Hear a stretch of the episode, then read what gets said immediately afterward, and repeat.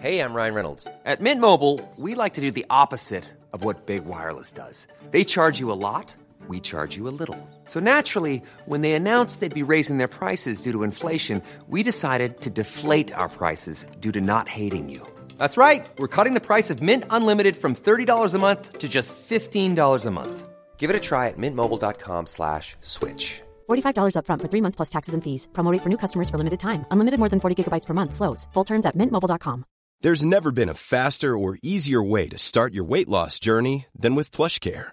PlushCare accepts most insurance plans and gives you online access to board-certified physicians who can prescribe FDA-approved weight loss medications like Wigovi and Zepbound for those who qualify. Take charge of your health and speak with a board-certified physician about a weight loss plan that's right for you. Get started today at plushcare.com slash weight loss. That's plushcare.com slash weight loss. plushcare.com slash weight loss.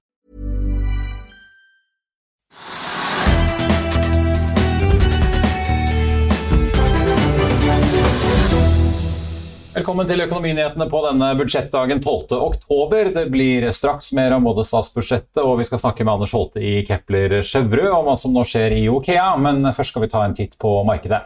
Etter en relativt flat dag i går startet det rett ned 1 på Oslo Børs på hovedindeksen i dag, men utover dagen så har det hentet seg inn igjen til omtrent null. Vi ser at oljeprisen er ned 0,3% til litt over 83 dollar fatet for nordsjøoljen, mens den amerikanske lettoljen ligger litt over 80. Rundt oss er det grønt på de nordiske børsene, unntatt i Helsinki, og i Europa er det noe nedgang i dag, men futuresene på Wall Street peker mot en oppgang der. Av selskapene på børsen så ser vi i dag at taperlisten preges av selskaper som bl.a. Hexagon, TGS, Multiconsult og Golden Ocean. På vinnerlisten finner vi bl.a. Kahoot og ABG Sundal Collier. Men det er verdt å merke seg Aker Horizons, fornybarselskapet til Kjell Inge Røkke, som har slitt på børsen lenge, svinger seg opp over 6 i dag. Etter meldingen om at de selger aksjer i Aker Carbon Capture for en milliard kroner til britiske Bailey Gifford og to andre institusjonelle investorer. Det senker Aker Horizons eierandel fra 49,3 til 42,3% og sender også Aker Carbon Capture-aksjen opp på topp over de mest omsatte aksjene, men også litt ned på kursen, 1,6% ca. Vi skal ha teknisk analyse av den aksjen litt senere i sendingen. Ellers så tar vi med at leverandørkonsernet Aibel, som designer og leverer alt fra oljeplattformer til omformerplattformer for havvind, melder at de har sikret seg FEED-kontrakten med Equinor for elektrifiseringen av Kårstø. I første omgang gir de arbeid for 130 millioner i innledende design- og ingeniørarbeid, men det, blir dette et prosjekt, så har Aibel en opsjon som kan sikre dem en kontrakt på over 2,5 milliarder kroner. Da skal vi over til statsbudsjettet, for med en ventet økonomisk vekst i Norge neste år på 3,8% så vil den avtroppende regjeringen kutte oljepengebruken fra 406,8 til 322,4 milliarder kroner. Og med 1576 milliarder i utgifter blir det brukt ja, ca. 18,5 mindre enn i fjor i år, altså. Oljepengebruken den kuttes med et prosentpoeng til 2,6, godt under handlingsregelen. Men hva har dette å si, og hva kan bli endret når en ny regjering kommer om bord? Velkommen til Oskar Omdal, seniorøkonom i DNB Markets. Jo, takk. Og velkommen, Trygve. Hei. Skal vi begynne kanskje med denne pengebruken, da? Ja. Det er jo, de tar jo oljepengebruken veldig ned, men vi ser jo at skatteinntektene er jo veldig gode. Og fra norsk oljenæringen så renner jo pengene inn eh, som bare det, så det hjelper jo veldig på, Kyrre? Ja, det gjør det. Og så er det jo slik at sant, aktiviteten i økonomien har jo kommet seg godt opp uh, nå i løpet av sommeren og forsommeren. Uh, og det fortsetter utover høsten, og det fortsetter til neste år. Så det gir jo penger i kassa for, uh, for staten. Og det går tydelig fram med anslagene at, at de går opp. Når de regner på oljepengebruk, så snakker man ofte om den strukturelle bruken. Og da tar man jo høyde for at det har vært særskilt lav en periode altså inntektene var særskilt lave, at utgiftene var særskilt høye. Men likevel, de, de går ned på pengebruken i forhold til i fjor, og det er jo ikke så rart. Nei, Det bør man kanskje klare når man skal avvikle alle disse hjelpeprogrammene og ja, støttepakker og det som er. De har hatt masse støttetiltak, og de har jo begynt å gå ut på, på dato nesten. Så, så, det bidrar jo til å redusere det vi kaller oljepengebruken. Likevel så vi lagde jo anslag på dette i forkant, og da hadde vi nok regnet med at de ville bruke litt mer oljepenger enn de gjorde. Samtidig så er det jo slik at de har jo ikke stramma til i budsjettet. Altså I forhold til fjor har de det, men når vi ser f.eks. i forhold til 2019, så har vi jo hatt ekspansive budsjetter i den perioden som har vært. Ja. Hva syns du, Trygve? Syns du Erna og Jan Tore Sanner holder igjen nok, eller? Altså, Jeg syns ikke de skal holde så veldig mye igjen. For det første så mener jeg at de brukte pengene fornuftig i de to årene vi har, altså 2020 og 2021. Det er jo altså alt det som skjedde da med altså, permitteringsordningene, ekstra kostnader ved det og alle de kompensasjonsordningene som næringslivet har fått, og som har gjort at norsk næringsliv har kommet forbløffende bra over dette. altså Bortsett fra da enkelte ting i reiseliv og servering og den type selskaper. Så man har kommet forbløffende bra gjennom det. I tillegg så er det liksom Norge på, på verdenstopp når det gjelder liksom få syketilfeller og få døde. altså Vi er liksom best på alt når det gjelder covid-19 tilsynelatende. Og så har vi da brukt penger på en fornuftig måte. så at, og at det, det må, vi, vi, måtte selvfølgelig ned fra det. Altså, klart, men, men, når man liksom har visse styringsmekanismer her, og da har man liksom hatt handlingsregelen da, som da folk syntes var for romslig, og man måtte ned og ned og ned, og man kom fra 4 til 3 og nå er det 2,6% i budsjettet for neste år. Og det, altså Hvis man liksom skal begynne å mase på det, da, da, må man liksom gjøre om hele regelen. da, for da liksom, Av og til kan det være to, av og til kan det være tre og fire. altså Nå er, 2, nå er det tre. Og da er man kommet ut med 2,6. Da må man få honnør for det, at man holdt seg innenfor reglene god, med god margin, syns jeg. Mm. Og, så, og så, er, så, skal de bruke liksom 322 milliarder. altså Er det mye eller lite? Det, det er liksom, alt er relativt. Og veksten, liksom, veksten er anslått til altså, Alle samfunnsøkonomer sier at den veksten den blir liksom 3,6 til 3,7 til 3,8. altså Norges Bank ligger litt over. Altså, det, denne skuta, skuta den går altså nesten uten noen hindringer av noen art. Og Vi har mer enn nok penger. og Oljefondet er vanvittig stort. Eh, og en behagelig avkastning på det gir nok rom til å gjøre hva man vil i statsbudsjettet. Til å balansere det. Så det er kanskje et langt svar, men altså, jeg, jeg syns at dette var et greit budsjett. Det, det kommer ikke til å komme gjennom altså, Det vil jo bli endret på en rekke områder pga. at vi får ny regjering i morgen. Eh, så det vil bli masse endringer, men ikke de store utslagene, tror jeg. Jeg tror liksom den nye regjeringen vil liksom være smart. og Dra litt småspaker her og der ja, for å få litt sånne symboler? Der hvor liksom da Solberg har gitt litt mer eh, lettelse i formuesskatten, så vil de kanskje stramme litt til. Sant? Kanskje, jeg vet ikke om de gidder gjøre engang. Det er liksom sånne små beløp, men de vil kanskje ha visse sånne reguleringstiltak da, som de, liksom, de slår ned på noe som Men altså, det der det skuta det er, det er som et sånn kjempetankskip, verdens største. Gjør du et eller annet med det, så tar det liksom så tar det noen eh, dager før det begynner å snu? Det tar en uke før det begynner å snu eller stoppe. Så, ja. så jeg, jeg, er fornøyd. Så jeg, jeg, det er noen ting jeg misfornøyd veldig med budsjettet, men, men, i det store og hele, som er på makrosiden, så mener jeg budsjettet er bra. Ja, for Geir, altså, mm. Det er jo nesten så det ser ut som de liksom tar av støttehjulene litt, hvis man ser på den såkalte budsjettimpulsen, som mm. måler liksom budsjettets effekt på om det gir gass i norsk økonomi eller eh, bidrar til å bremse litt, så har jo den gått fra ja, 3,8% i fjor, 0,6 i år. Mm. Så er det ned 2,6 eh, neste år. så Det betyr jo at de liksom, nå forventer du at liksom næringsliv og alle mulige institusjoner og aktører skal liksom holde hjulene i gang i norsk økonomi, eh, litt ja, ja. avhengig av statsbudsjettet, egentlig? Det er sant, det. altså. Men samtidig så er jo bruken av oljepenger 1,8% høyere neste år da, enn det var i 2019. Eh, så det er en impuls her på, på, eh, på 0,6 eh, over disse tre årene. Mm. Så det er en indikasjon på at vi har et ekspansivt budsjett. Altså tallene lurer oss litt, egentlig? Da. Ja, de lurer oss kanskje litt. Men samtidig så har vi jo en handlingsregel som sier at vi kan bruke 3% av, av det som står på oljefondet. Og oljefondet har steget ganske mye i verdi målt i norske kroner. Så hvis vi ikke skal bruke så mye penger, da, så, så, da må vi gjøre det med handlingsregelen. Ja. Egentlig. Det har vært oppe og snus på 12 000. Jeg så det var 11 450 milliarder nå milliarder kroner, Det er ganske mye penger. Ja, og De anslår, de anslår nå fondet til å være 12 250 ved inngangen til neste år. Ja, og de bommer jo hele tiden. altså hvert år. Fra enkelte år. Altså, Oljefondsjefen leverer litt avkastning nå frem mot 90 år. Ja, femårsscenarioer, så ser du at, liksom, at fondet øker og øker, øker. Forvaltningen er god. ikke sant? Det er fått tilskudd til fondet, og så liksom forvaltningen ganske, ganske god. Mm. Bare ikke et halvår for et par år siden så var det 10 på et halvt år eller sånn. Mm. Og da er liksom, Det er ingen som fatter det, og så tenker de at ja, det kan gå ned, det kan gå opp, og det kan få et fall på 23 og da går Norge under og sånn. Det er jo bare tull. ikke sant? Det. Så neste år, så er det, neste år så er det opp 4 igjen, eller 5% eller 7 igjen. så det er, altså Vi har en buffer som er helt unikt stor. og Alt vi gjør nå, det er på en måte marginale endringer, som du også er inne på. ikke sant? Det er, det er, det er marginalt, alt som foregår, faktisk. Det som har dratt mye da de siste årene, det er jo egentlig en svekkelse av krona. Ja, ja, så, og det er på en måte... Ja, for den har blåst opp oljefondet ganske mye. Den har blåst opp fondet en god del, ikke sant? I kroner, da. Ja, I kroner. Og, eh, men det, det, den svekkelsen av krona den gir eh, offentlig sektor en, måte, en økt kjøpekraft mm. på bekostning av privat sektor. Så, ja, forklar det. Jo, når de, offentlig sektor eier dette oljefondet, eh, og krona svekker seg, da eh, så skal pengene likevel brukes her hjemme og skal veksles til kroner. og Det, det gir offentlig sektor mye kjøpekraft.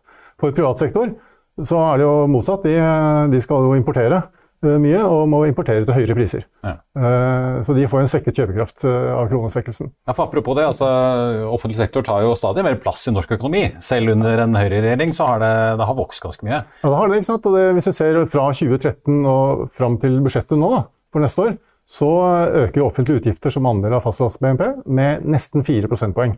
Eh, og det, vi er over 60% Ja, Av liksom eh, kaken norsk økonomi, så er, så er offentlig sektor 60 ja. Ja, men vi vil jo ha flere lærere, vi vil ha flere politifolk, og vi vil ha Ja, flere eh, flygeledere, og vi vil jo ha flere brannmenn. og vi vil ha- vi vil- Det er så mye vi vil ha som vi klager på. Vi klager på alle områder. Er ikke én sektor som ikke har nok Må vi ikke skape før vi kan dele, da, Trygve? Nei, nei så, da, så da tenker jeg liksom at nei, altså, det er så mangel på så mye, sier man. Jeg er ikke helt i alt, men da, og da må vi jo bruke penger, da. Eller da må vi bruke offentlig sektor, da. Ja da, for det, og det er jo, Man kan godt si at eh, jo, man, altså, mm, produksjonen kan ligge i privat sektor, men uansett så vil jo pengene gå via offentlig sektor. Ja, ja, og, Eh, og vi ønsker jo en oppbygging på en rekke typer tjenester som eh, typisk offentlig håndterer. Nettopp. Enten med å finansiere det eller å produsere det selv. og, så, og, og så vil vi ha et nytt regjeringskvartal. Så vil vi kanskje ha et nytt, Det ble jo dyrere. nytt, Ja. nytt Det ble vel 5 milliarder dyrere, var vel anslaget nå i budsjettet? Ja, I Nord-Norge skal de ha da et sykehus, skal de, alle skal ha tilgang til eget sykehus og føde et sted der hvor de bor, og skal de jobbe, jobbe der hvor de bor. Og Da får jo alle sammen jobb i offentlig sektor, de skal da jobbe i kommunal sektor, de skal bli, de skal bli bakkmestere, og de skal bli lærere, og de skal bli forvalt, hva heter det, sosionomer, og det er- jo så mye de kan fylle på med i offentlig sektor, og det, og det, og det gjør de hele tiden. Ja. Må ikke du legge deg ut med for mange yrkesgrupper nå, da, Trygve?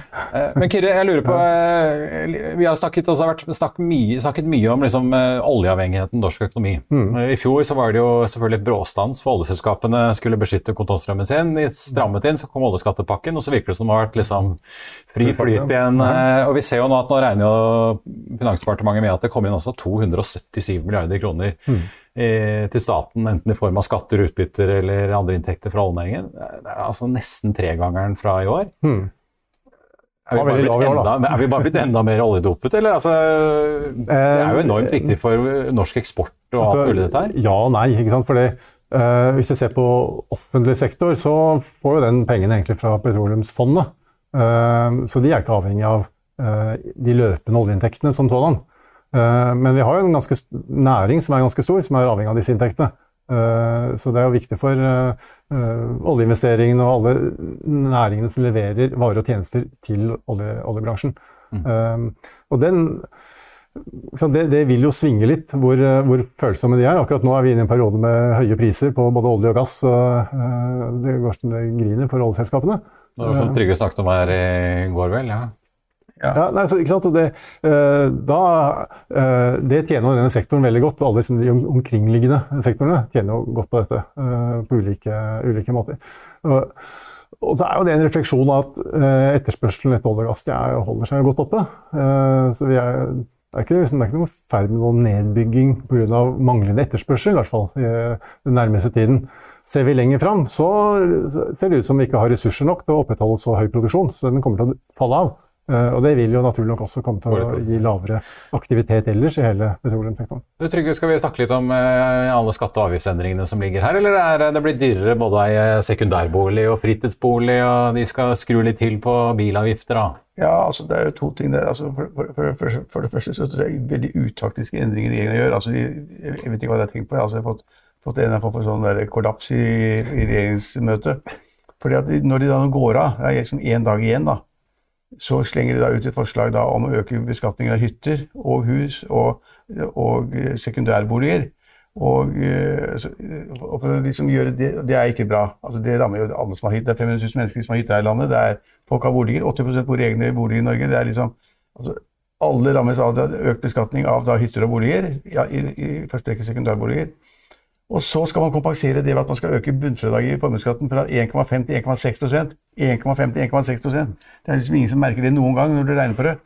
Så de gjør en rekke sånne ut... Og så, og så, og så justerer de da inntektsgrensene, altså innslagspunktene for inntek- inntektsskatten, så mye at kanskje da en husholdning middels husholdning i Norge kanskje får da 1000 kroner i skattelettelse. Ja, de orker jo ikke se på det. For at 1000 kroner i skattelettelse er ingenting. ikke sant? Altså, på visse områder får du da økninger, så får du lettelser som ikke betyr noen ting. Og så slår de til da med, med økt CO2-avgift, som gjør det dyrere å kjøre bil. Og så, og, og, så, og, så, og så, får du høyere skatter da på, på, på, på, å selge en elbil til andre. Du får en sånn, en sånn omsetningsavgift, hva de kaller det. Mm. Og så i tillegg så får du da lavere skattefordeler for da å kjøre hybridbiler. Liksom, altså de, de gjør et minutt, så har de sittet og rotet masse tøys frem og tilbake. Og så har de ikke laget noen snubletråder for den nye regjeringen. Det er liksom, ja, har du ikke funnet det? Er det, er det, det ingen sånn åpenbare Men er ikke dette snubletrådene? Det, det, at de gjør, altså, for det betyr at skal eh, den nye regjeringen måtte hente noe mer inntekter på disse områdene, så må de måtte skru tommeskruen enda hardere til. Da. De må jo ikke fordi de har mye å ta. ikke sant? Liksom ja, men, men, slik det er nå, da, så ligger det et budsjett der som de har henta en god del inntekter inn ved å ja. øke alle de tingene du sier, eh, og så har de fordelt ut på masse andre ting en ny regjering, hvis de skal komme og fremme sine merkesaker, så må de greie å omdisponere. Ja. Dette er sånn. Og Enten må de da kutte noen mange ting, liksom, ja. Eh, mange små satsinger som må kuttes og tas bort, eller så må de uh, øke disse sånn formuesskatten og, og, høye Eh, høy inntektsskatt f.eks. Gjøre de grepene enda mer tydelige. Men her har, eller, eller, her har denne regjeringen måte, tatt lufta litt ut av ballongen. Ja, eller alternativt at de anslår da inntektene fra olje og gass høyere, 5 eller 10 milliarder eller 20 milliarder høyere, fordi at prisen kanskje holder seg på 700 kroner per fat. Mm, kreativ, kreativ bokføring. Ikke, ikke, faller, ikke faller til 300-400 kroner igjen. ikke sant? Nei, men det... Gassprisen holder seg, så blir, strømmer skatteinntektene inn, så strømmer de direkte der hvor de har direkte eierandeler inn kompensere de 2-3 milliardene på et 0,0. Det er kanskje det, det, grepet de kan gjøre, at de kan ta ut høyere utbytter. Ja, for eksempel. Uh, Eller anta høyere salgsinntekter. De, har, de bommer jo, altså Finansdepartementet og, og, og, de andre bommer jo hvert eneste år på hvor oljeprisen skal ligge. da.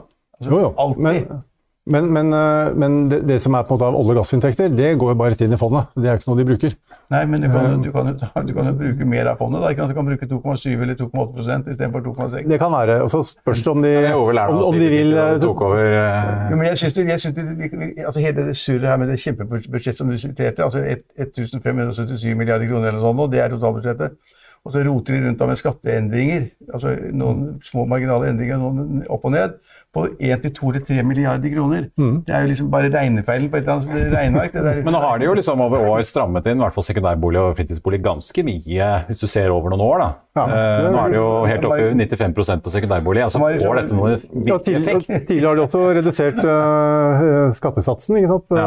på, på finansutgiften, altså fradragsmuligheten egentlig på renteutgifter. Så samlet sett så har det vært en viss skjerping av, av boligskatt. Men, uh, Så snikinnføring av eiendomsskatt? det, som du sier, de, de, de har jukset. Altså jukset i anførselstegn. I, de har jukset, for de snakker liksom at de øker rabatten litt her og der, litt enklere osv. Men samtidig så har de liksom justert da opp kraftig da på sekundærboliger. Mm. til at man liksom da hadde en betydelig rabatt, og så plutselig fikk man da tatt vekk det. Og til slutt så var det liksom da, tok de så mye vekk at de økte da verdien da, av næringseiendommer og andre boliger så mye at det kompenserte mer enn nok for de der endringene i selve satsen. ikke sant? Ja, ja, ja. Så det blir mer og mer beskatning uten at folk merket det. Men de som satt da med dyre eiendommer, altså næringseiendommer osv., enten det var Barcode eller hvor de sitter igjen, har fått en kraftig økning i verdiene, så da skal beskattes. Kanskje med en litt lavere sats. Så de, de har liksom påført økte skatter uten at de har merket det. Det har juksa litt. Men da har de ikke sant, denne regjeringen nå da, eh, foreslått å øh, øke verdsettelsen av boliger for boliger over den delen av boligen som koster mer enn 15 millioner. 15 millioner. Ikke sant? Eh, det betyr at her er det ikke rom for den nye regjeringen til å øke veldig mye mer for de dyre boligene. Nei, Hvis de skal hente noe mer eiendomsskatt, så må de gjøre det på de som er billigere enn 15 millioner. Ja. Ja, da, sitter, da, da, må de liksom ta, da begynner de å treffe mer av den brede middelklassen. Men de, kan, men de skal verdsette da det, det, altså de eiendommene over 15 millioner, den verdien av eiendommene over 15 millioner, ja. skal da ha en takstprogram på 50% De kan jo si at, det, at du, du, du, går ikke fra 25 til 50, du går fra 25 til 70% eller den andre veien. altså da det blir ikke veldig mye penger av det. Nei, ikke sant? Så hvis de skal hente noen penger, så da må de måtte, begynne å skattelegge eh, middelklassen i større grad. Ja, for, for, for, nå har på, denne regjeringen har liksom dratt litt i alle de der andre Alle økonomer vi vet jo det at det er den beste måten å ta middelklasse og alle andre på, det er å øke momsen. Så alle ja, bare skuffe av bordet. Men eh, til slutt, eh, Kyrre. Altså, hvis vi ser litt på de langsiktige prognosene for hvordan Jonas og Trygve Slagsvold Vedum, som nå riktig skal bli finansminister, får det. da. Mm. Eh, nå skriver jo departementet at eh, de regner med ca. 10 milliarder i økte skatte- og avgiftsinntekter hvert år fremover. Mm. Før har det tallet vært 18. Ja. Samtidig øker folketrygdsutgiftene med ca. 8. Så da er du liksom nede i 2 milliarder og har til fri disposisjon, eh, litt grått regnet. Hvor, ja, blir, blir, har Jonas og Trygve noe ekstra penger å bruke, egentlig? Ja, Det får vi jo se, da, om, om det er rett som realiseres. Uh, uh, man har jo lenge snakket om at uh, Altså Ikke bare neste år, men jeg tenker liksom i de neste ja, tre årene etter det. Ja, altså, i, i, langtidsprogram og, og, tidligere har man også sett på at nå har vi hatt en veldig vekst i oljepengebruken. Den kommer til å flate ut, og vi treffes av økte Altså av eldrebølgen og de, de kostnadene det medfører. Og så har vi på en måte år for år hatt en overraskende stor vekst i, i, i oljepengebruken og, og, vekst i pensjonsfondet, som gjør at vi har kunnet bruke så mye penger.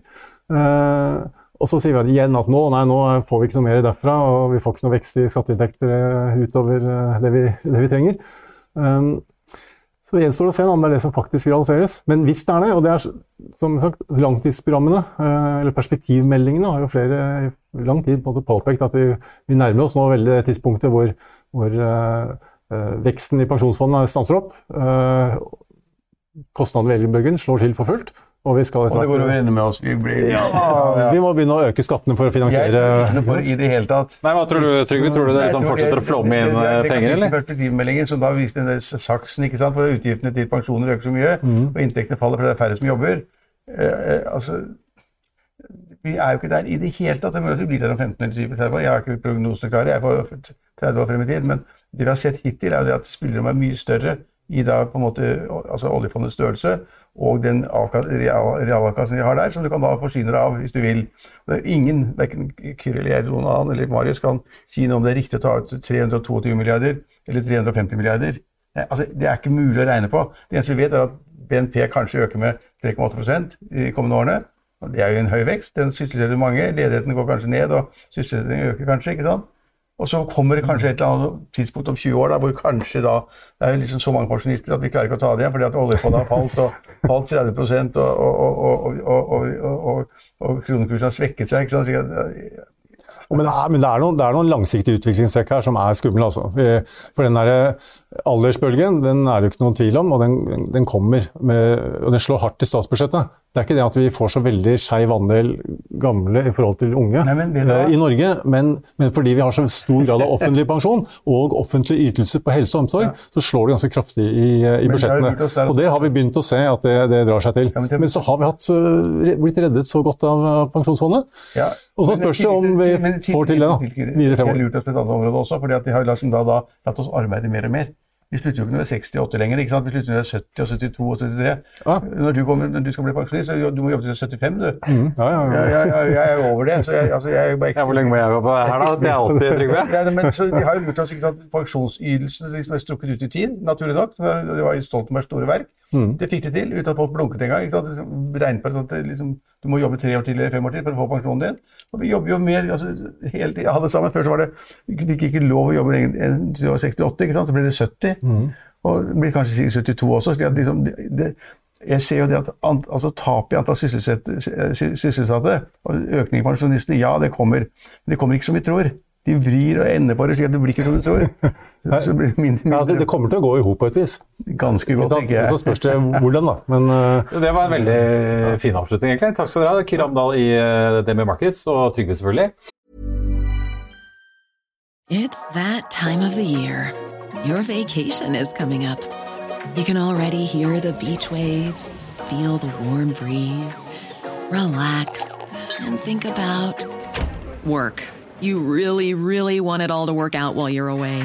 Monday.com gives you and the team that peace of mind. When all work is on one platform and everyone's in sync, things just flow wherever you are.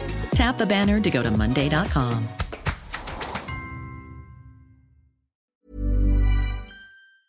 I'll see you in court. Vi sier det ofte litt på spøk, men for deg som driver business, er det aldri moro å innse at du ikke har laget en 100 gyldig kontrakt. Du bør ikke risikere hele firmaet ditt fordi du synes dette med kontrakter er litt stress. En avtale er ikke en avtale. Du kan miste kunder, miste venner, ja, til og med miste inntekter om du ikke lager en skikkelig kontrakt, på alt mulig, egentlig. Men vi vet det er et styr. Kopimaskiner, tregprinter og haugevis av papir. Dessuten stoler vi jo på folk her i landet. Det er ofte litt kleint å skulle be om en signatur for alt mulig, ja, for mye av styret handler også om jakten på underskriften. Det finnes en enkel måte å løse dette på, Dukkobit, en trygg, effektiv og get this, gratis måte å sikre seg en god natts søvn pluss en juridisk bindende avtale. Dukkobit-appen har de strengeste sikkerhetskrav i bunn, samt en EU-godkjent og sertifisert teknologi. Framover vil det bli behagelig å spørre du, skal vi skrive under på det, eller? Kom i gang på dokobit.no.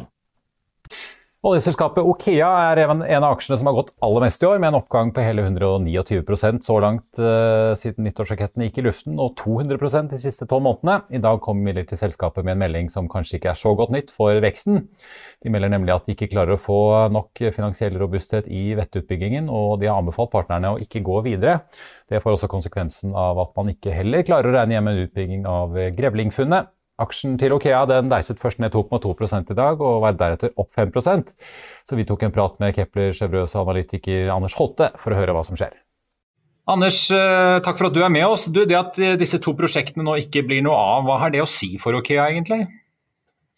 Du, det, på våre tall så har jo det ikke så fryktelig mye å si. Uh, vi hadde én krone i verdi for uh, de to prosjektene sammen. Så klart, det den forsvinner jo, men eh, så tror vi at den eh, oppstarten på Yme er nok en mer viktig eh, event i aksjen enn akkurat de to prosjektene som nå ble bestemt at man ikke skal gå videre med i dag. Så, ja.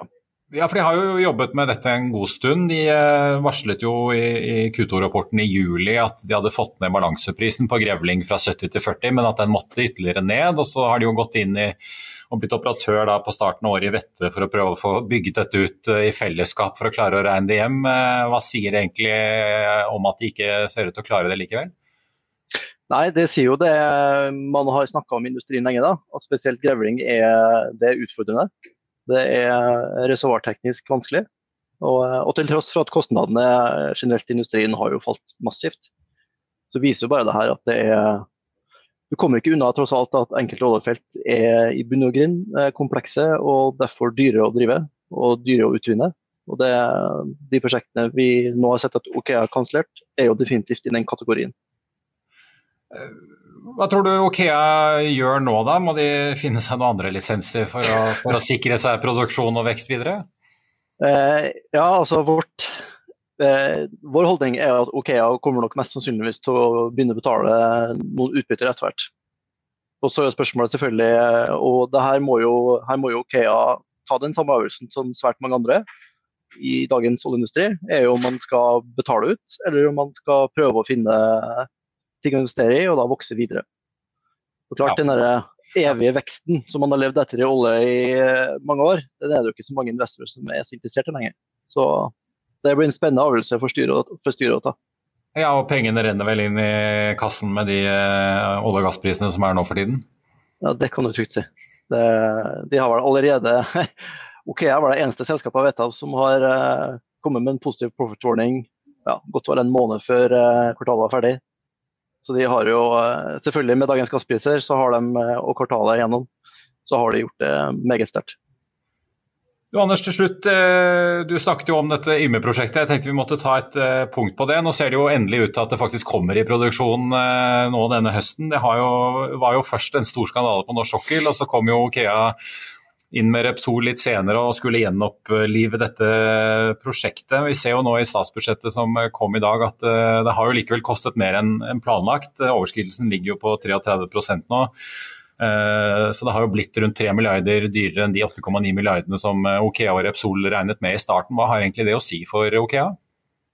Nei, nå tror jeg, altså Det selskapet har vært helt ærlig på, er at uh, den forsinkelsen som traff Yme i etterkant av covid, den har hatt konsekvenser selvfølgelig for kostnadsnivået. Eh, så de har jo vært ute de har jo vært ute og nevnt at det er sannsynlig at de investeringsnivåene på Yme må løftes litt, fordi man har blitt forsinka i oppstartfasen. Og fordi at man har en rekke løpende kostnader som går.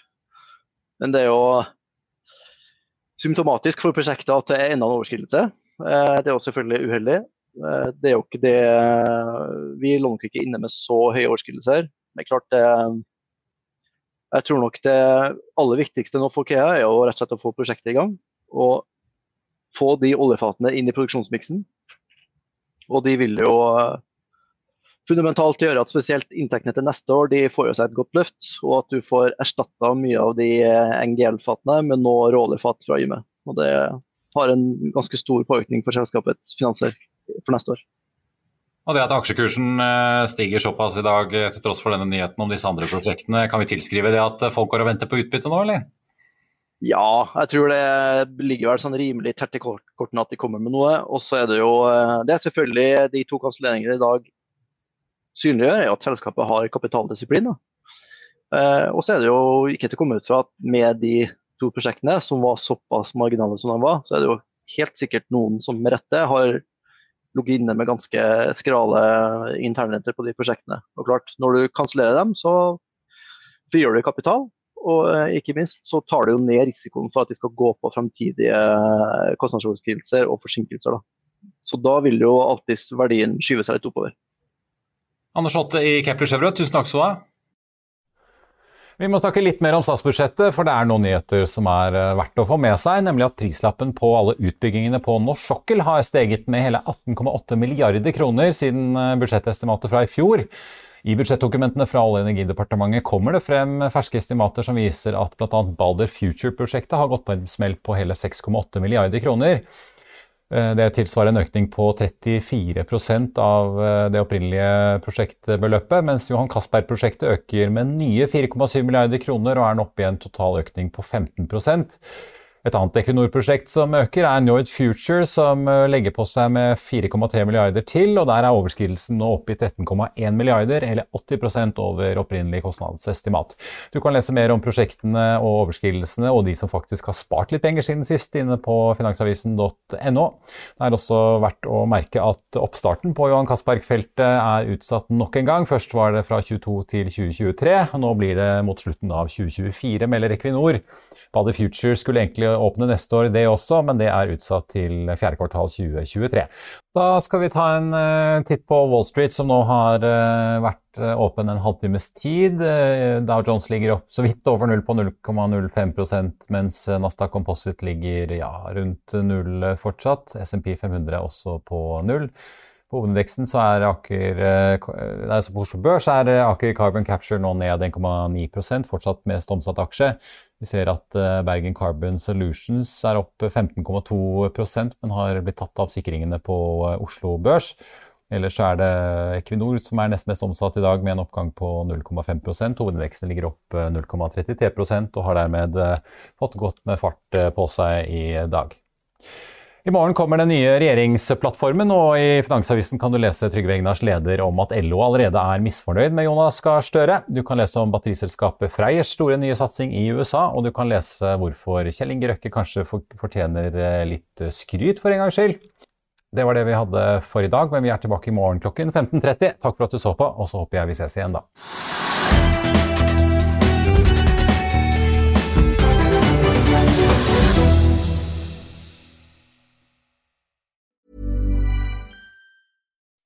When you make decisions for your company, you look for the no-brainers. If you have a lot of mailing to do, stamps.com is the ultimate no-brainer. Use the stamps.com mobile app to mail everything you need to keep your business running with up to 89% off USPS and UPS. Make the same no-brainer decision as over 1 million other businesses with stamps.com. Use code PROGRAM for a special offer. That's stamps.com, code PROGRAM.